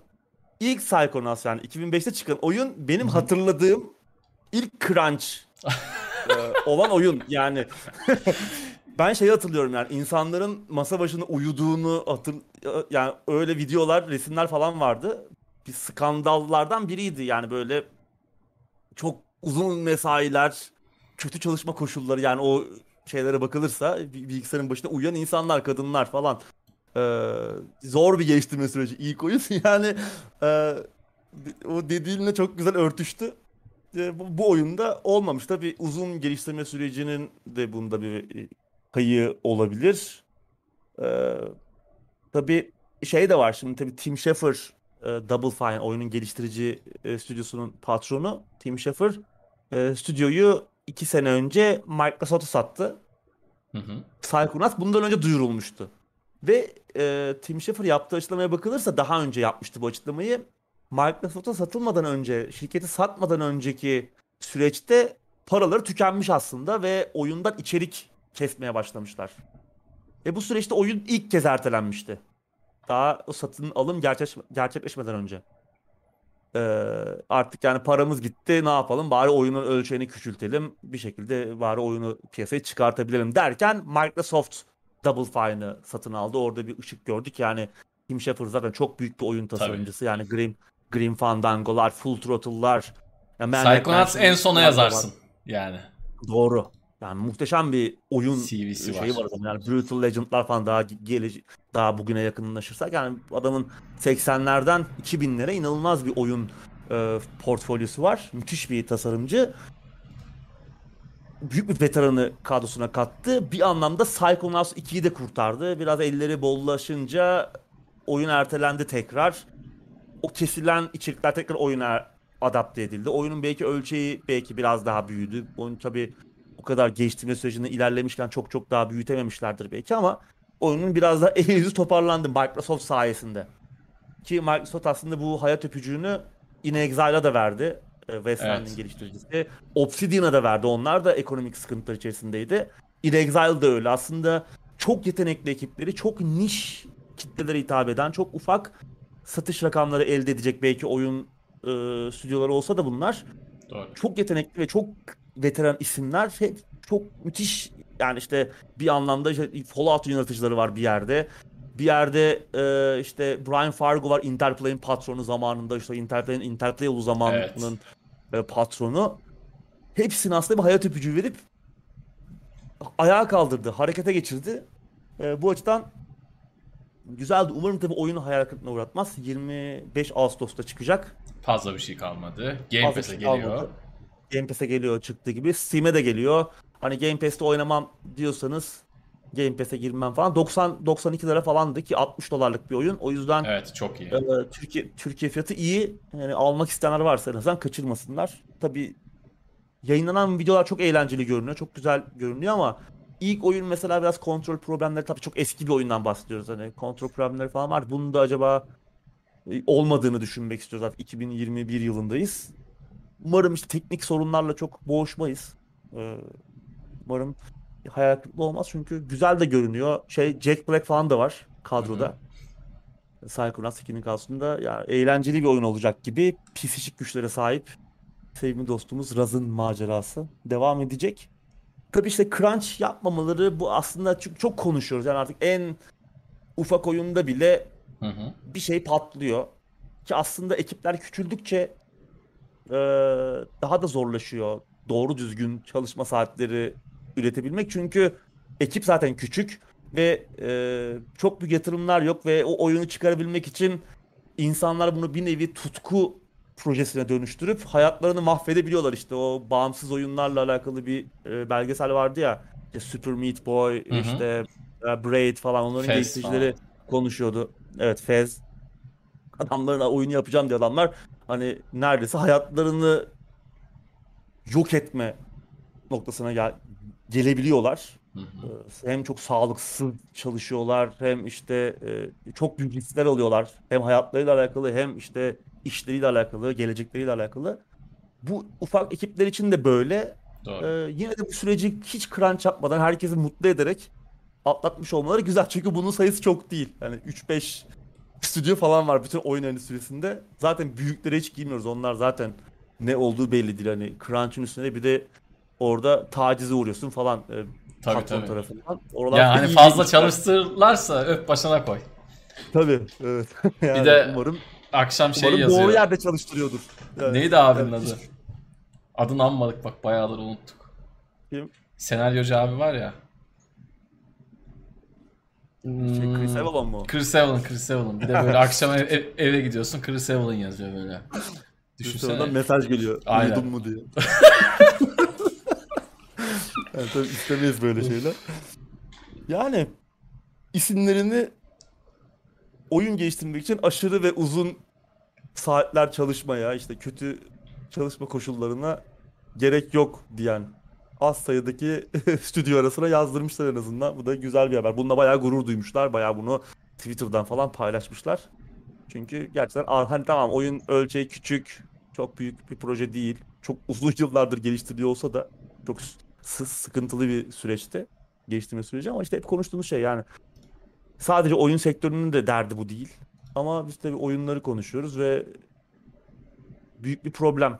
Yani işte artık yavaş yavaş ortaya çıkıyor. Sosyal medyanın belki bu kadar etkin kullanımıyla kötü şeyleri duymaya başladık. Ya da işte Doğru. böyle çok cevval, Jason Schreier gibi cevval gazeteciler sayesinde bir takım şeyler duyuyoruz. İçeride neler olduğunu duyuyoruz. O yüzden güzel bir haber. Oyun endüstrisi için de umarım bir örnek olur. Yavaş yavaş da olsa. Evet, Bunların iyi zaten eee, bu şekilde deklare edilmesinin en büyük sebeplerinden bir tanesi de hani biraz da insanlar bak yap- ya- yapabiliyoruz oluyor siz de yapın mesajını vermek. Sektöre saygılıyız, insanlara saygılıyız mesajını vermek. Tabii crunch yapan adamlar yani bunu eee, alışkanlık haline getiren firmalar, stüdyolar pek bunlardan bir şey öğreneceğini sanmıyorum. Bu ha- haberi okusa mesela onların patronları ne aptal adamlar var diyebilir. Fakat örnek alan birileri olursa da ne güzel. Crunch olmaması tabii ki güzel bir şey. Yani kimi zaman hepimizin çalıştığı işlerde olabiliyor. Bazen bir şeyler yetişmiyor. Bazen çeşitli sorunlardan dolayı fazla çalışmamız gerekiyor. Arada sırada olabiliyor. Hepimizin başına gelmiştir. Fakat işte bunun böyle bir alışkanlık haline getirip özellikle oyunların çıkış pencerelerinde yani son bir ay kala iki ay kala sanki bu onun eee, z- kendi göreviymiş gibi günde 16 saat çalışmak gibi şeyler olduğu zaman oyunun da kalitesi azalıyor. Şu- Adamın da orada e, canı çok sıkılıyor. Oyunun kalitesinden ziyade orada bir insan hatta bir değil yani yüzlerce insan ne bileyim ailesini daha az görüyor, çoluğun çocuğunu daha az görüyor, sağlığını bozuyor. Yani biz bile artık yani çok yaşlı değiliz ama bir, bilgisayarda eskisi gibi ne bileyim 15 saat rekabetçi oyun oynayamıyoruz abi yani. Gözümüz ağrıyor, kıçımız başımız ağrıyor artık. Eskisi gibi değil. Eskiden çocukken böyle yata yata şimdiki gibi koltuklarımız da yok böyle. Dandik ne bulduysak onun üzerinde yayıla yayıla saçma sapan oturuş şekillerinde oturup oynuyorduk Doğru. saatlerce. 20 saat oynuyorduk ama artık olmuyor. Zor tabi. Umarım birçok şirket eder. Örnek olur diyelim. Ve gündemin haberleri bugünlük bu kadar. Birazcık da sohbet edelim. Kısa da bir sohbet sekansı koyalım. Uğur abi bir immersive sim der misin? Ömer demiş ki Jade Raymond dendi, Evet, Chris. Evelyn dendi bir immersive sim. Onu bir yere Dersin. bağlayalım. Bir şey Evet. vardı. Bir izleyicimiz e, Arkane'in yeni oyunundan bahsetmiş. Hmm. Bu tam en sona duyurdular ya neydi? E, Şey. Vampirli Şeydi değil mi şu co takım falan var co-op. Evet. Neydi adı? Dur vampirler bakalım. vardı. Kısa Re- bir Redfall mu? Öyle bir şeydi galiba. Redfall olması lazım. Ya evet Arkane bile artık immersive sim yapmıyor. Son kalesi yıkıldı mı acaba? Evet. Immersive simlerin. En azından büyük kalesi diyelim hani. Çünkü AAA oyun yapan bir onlar kalmıştı. Umarım şeye pek di- immersive sim diyebilir miyiz? Deathloop'a. Bilmiyorum. Onu çıkınca göreceğiz. Yani immersive sim öğeleri var gibi ama yok gibi de. Belki Hı hı. bir ucundan dokunmuştur. Redfall'muş evet. Bu arada. Daha yeni gördük. Ne çabuk unuttuk ya. Ben özellikle çabuk unutmuşum. Yani aklımıza B12. yer etmedik abi çünkü. Yani O da doğru. Heyecan duydun mu? Yani güzel bir oynanış görüntüsü görsen belki dersin ki ben bunu oynarım. O zaman kafana yazarsın. Yani gördüğün O şey da doğru. 3 dakikalık Cool Sinema- cool böyle birbirlerine bakıyorlar. Birbirlerine sıkıyorlar falan böyle şey. Karakterleri böyle güzel gösteriyor falan. Boş boş şeyler. Antalya Bakırtepe'de kamptaymış. 2000 metreden Marvin. İyi seyirler dileyelim. o Teknoseyir sosyal kullanıyorsa bir oraya bir post atsın. Manzarasını göstersin Evet. insanlara. Biz de şehirdeki 2000 metre kaçamayan insanlar olarak imrenelim.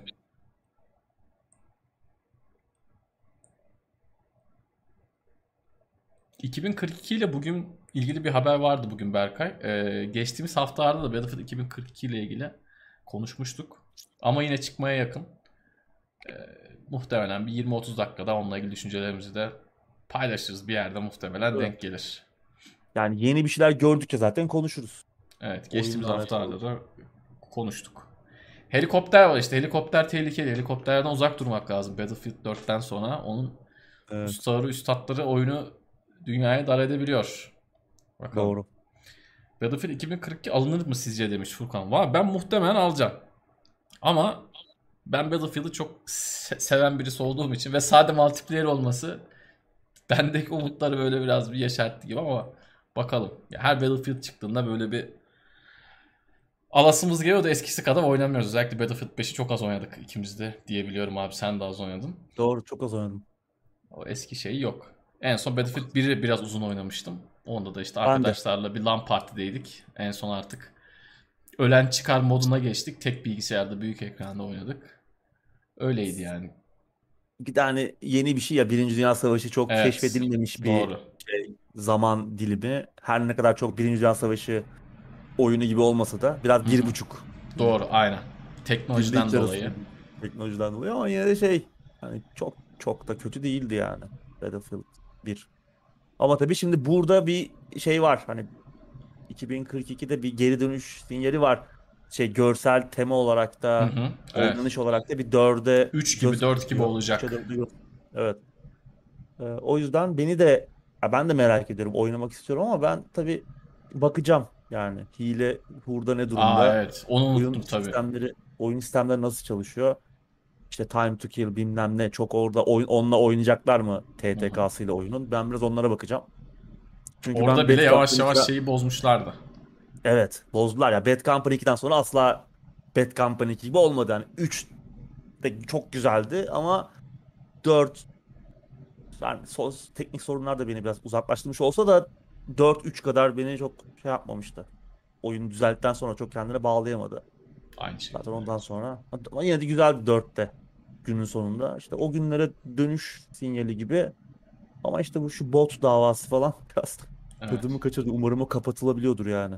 Yani ben bir de Kapalı. e, önceden de söylemiştim şunu da söyleyeyim.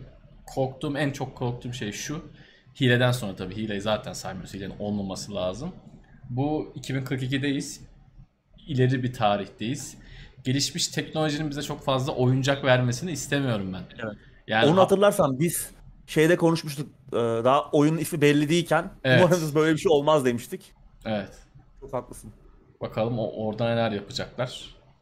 Oradaki Yani- karakterlerin özel yetenekleri diyeyim tırnak içinde siz anlayın.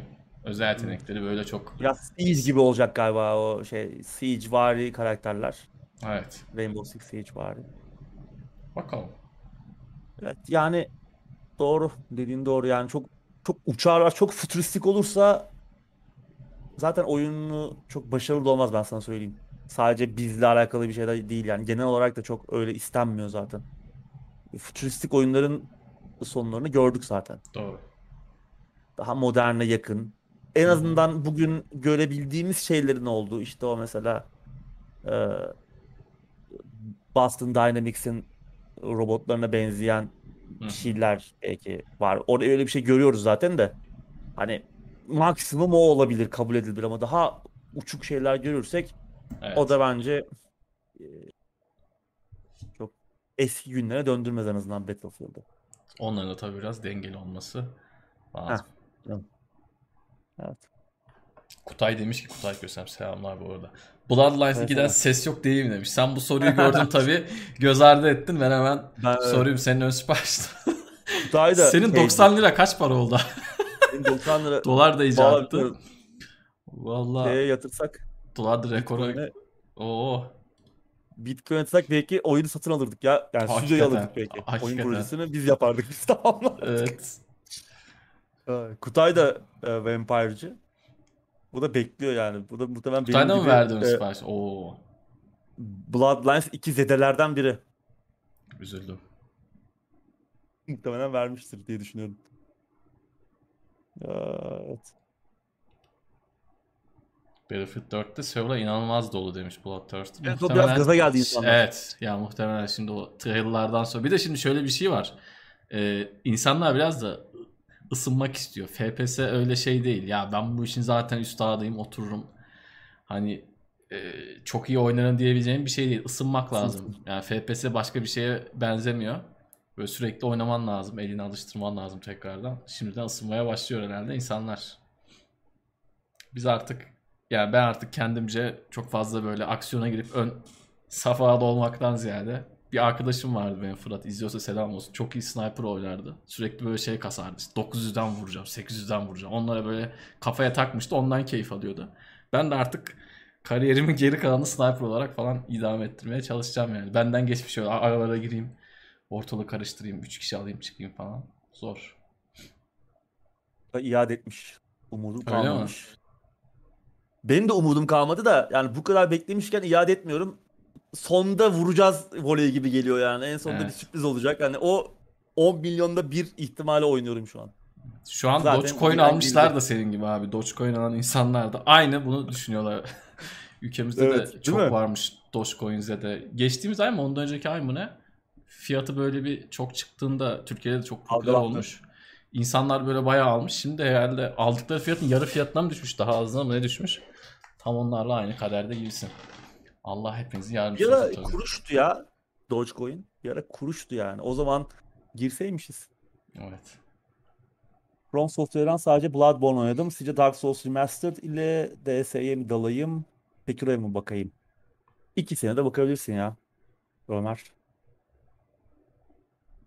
Yani çünkü tabii Dark Souls daha çok benziyor Bloodborne'a. Hı hı. Sekiro biraz daha farklı ama yine günün sonunda çok benzer oyunlar. Temel itibariyle. Sen belli hepsini oynayacaksın Ömer. Sen hepsini oynayacaksın. Evet, hepsini oyna ya. Ya Bence çok güzel oyunlar. hatta Demon. Souls'tan başla. Evet. Ben hep öyle PlayStation 5'inde söylüyorum. varsa hatta Evet, hatta. Remastered'ını oyna. Genelde insanlar şey diyor işte geçtiğimiz hafta da herhalde sormuş. Dark Souls 3'ten başlayayım, 2'den başlayayım. Bizim gündemlerde de soruyorlar. Bana da normalde soruyorlar. Güzel. Ben direkt hani Demon Souls'tan başlayın diyorum. Hani tamam bu çok eee, şey bir yorum mudur. Çok üzerine düşünülen bir yorum değil ama hep dediğim gibi hani göre göre ilerlemek daha iyi. Oyunun gelişimini, e, her şeyi göre göre görüyoruz. Tamam ilk oyunlar biraz sıkıcı gelebiliyor artık şu sebepten ötürü. İlk oyunlar bence çok güzel çoğu anlamda ama oynanış değişik, grafikler, Yaşlandılar. yaşlandılar tabii hepsi doğal olarak ama yine de bence her neyi oynayacaksanız vaktiniz varsa en başında oynamak çok daha mantıklı. Yani biraz daha fazla vakit harcıyorsunuz. Belli yerlerde kahır çekiyorsunuz ama son oyunu oynayıp bitirdiğiniz zaman tamam diyorsunuz. Ben bu seriyi bitirdim. Yani iyisiyle kötüsüyle tam anlamıyla onu sindirmiş oluyorsunuz. Yavaştan kapayalım. Ben de gidip aşımı alayım. Evet. Uğur abi de gidip aşısına olacak. Evet, Abi. talebe kedi desteğe geldi tam kapatırken. Teşekkürler kendisine. The Messenger oynadınız mı diye soru gelmiş Bloodthirster. Evet oynadık. Blood- Önerdik The bile, değil mi? Messenger Bizim iki sene önce bizim en iyi yılın oyunları listemizde var. Evet. Çıktığı yıl bizim yılın oyunları listemize girmişti. Muazzam bir şey. Evet abicim ağzına sağlık. Benim de Tansel. Evet seni aşı olmaya yollayacağız. Biz burada sonra ultimaya gireceğiz abi. Ben yayını kapatmıyorum. Burada yayına devam edeceğiz. Sana e, evet ağza sağlık tekrardan. Ekran başındakilere de teşekkür ederim. Bugün biraz daha kompakt bir yayın oldu. Keyif alarak Evet. izlediğinizi tahmin ediyoruz. Haftaya yeni bir oyun gündeminde tekrardan görüşmek dileğiyle. Hoşçakalın. Hoşçakalın.